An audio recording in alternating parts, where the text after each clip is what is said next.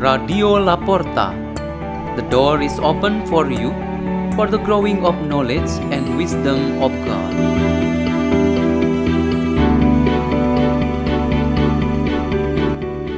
Delivered by Clara and Natalia from St. Peter's School in Jakarta, Indonesia.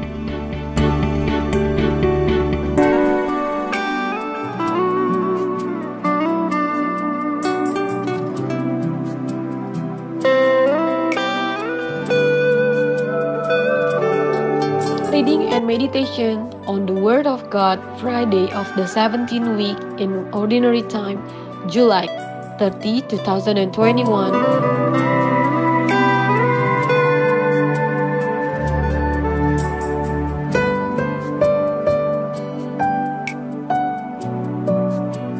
The reading is taken from the book of Leviticus, chapter 23, verses 1, 4 until 11, 15 until 16, 27, 34b until 37. The Lord said to Moses, These are the festivals of the Lord which you shall celebrate at their proper time with a secret assembly. The Passover of the Lord falls on the fourteenth day of the first month at the evening twilight. The fifteenth day of this month is the Lord's fast unleavened bread.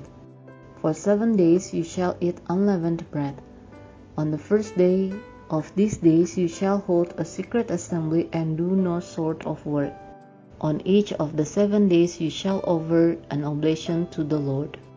Then on the seventh day you shall again hold a secret assembly and do no sort of work.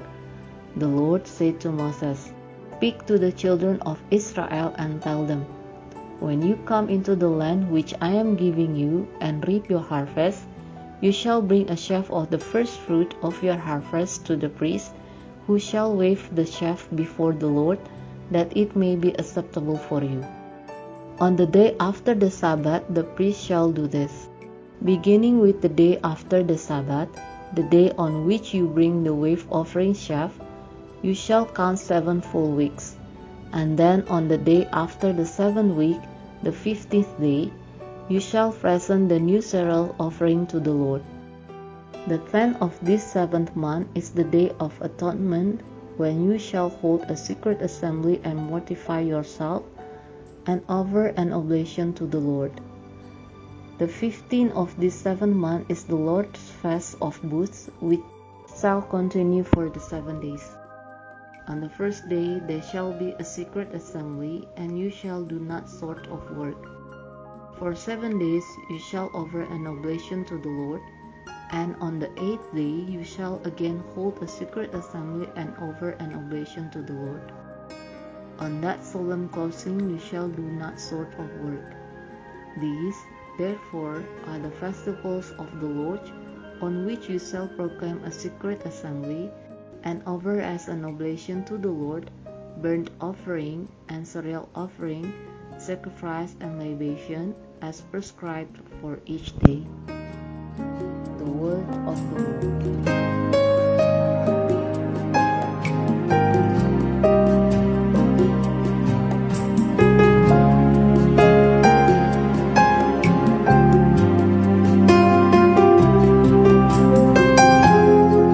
Meditation today has the theme Celebration of Faith. A person is said to have good faith if he fulfills these three basic elements knowledge, celebration, and practice or witness of faith. Knowledge contains doctrines, teachings, or dogmas. Celebration are made through worship, sacraments, prayers, and devotions. The practice or witness is shown in the testimony, dedication, and living out the faith in real life. Especially regarding the celebration of faith, institutions, time or seasons, ordinances, places, and participation are among its main elements. All the ordinances are intended that every public and religious encounter is to be celebrated together in the community of people. The institution of the celebration of faith in the Old Testament that had started with Moses, as described in the today's first reading. There were a number of celebratory institutions established by Moses in the Torah such as the Passover celebration or the Lord's victory on the 14th day of the first month. The 15th day of the same month was the celebration of the unleavened bread, and so on. This legacy of Moses was then passed on by the church in the New Testament and continues to this day, of course, in a new form. God's law had established this as the third commandment of the Ten Commandments according to the book of Exodus. This law demands the faithful to keep the Lord's day holy. The church obliges all her members to keep Sunday obligation and also a number of solemnities, feasts, and memorials. The nature of command of God is obligation.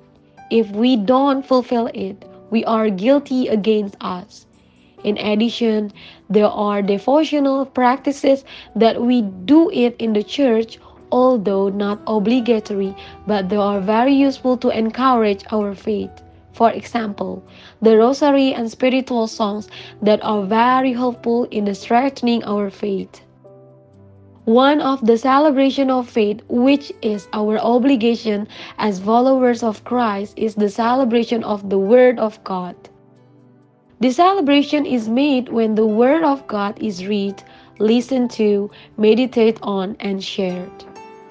In worshiping in the Word, whether within an Eucharist or without the Eucharist, is an opportunity to un- intimate with the Word.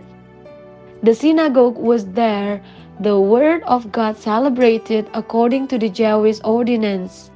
But when Jesus was about to celebrate the Word in his native place, the people from his families in town refused and did not want the Word to be celebrated. As a result of rejecting the celebration of faith, no God's blessing and great deeds were in favor of them. The celebration of faith aims not only praising and glorifying God, but also the opening of ourselves to receive blessing from God. Let us always be zealous and with the right motivation to celebrate our faith. Let us pray. In the name of the Father, of the Son, and of the Holy Spirit. Amen. O Lord Jesus Christ, every day we have the opportunity to celebrate your word. May our spirit never fade, and our motivation is always pure to make your word take root and grow in our life. Glory be to the Father, and to the Son, and to the Holy Spirit, as it was in the beginning, is now, and ever shall be, word without end. Amen. In the name of the Father, of the Son, and of the Holy Spirit. Amen. Radio La Porta. The door is open for you.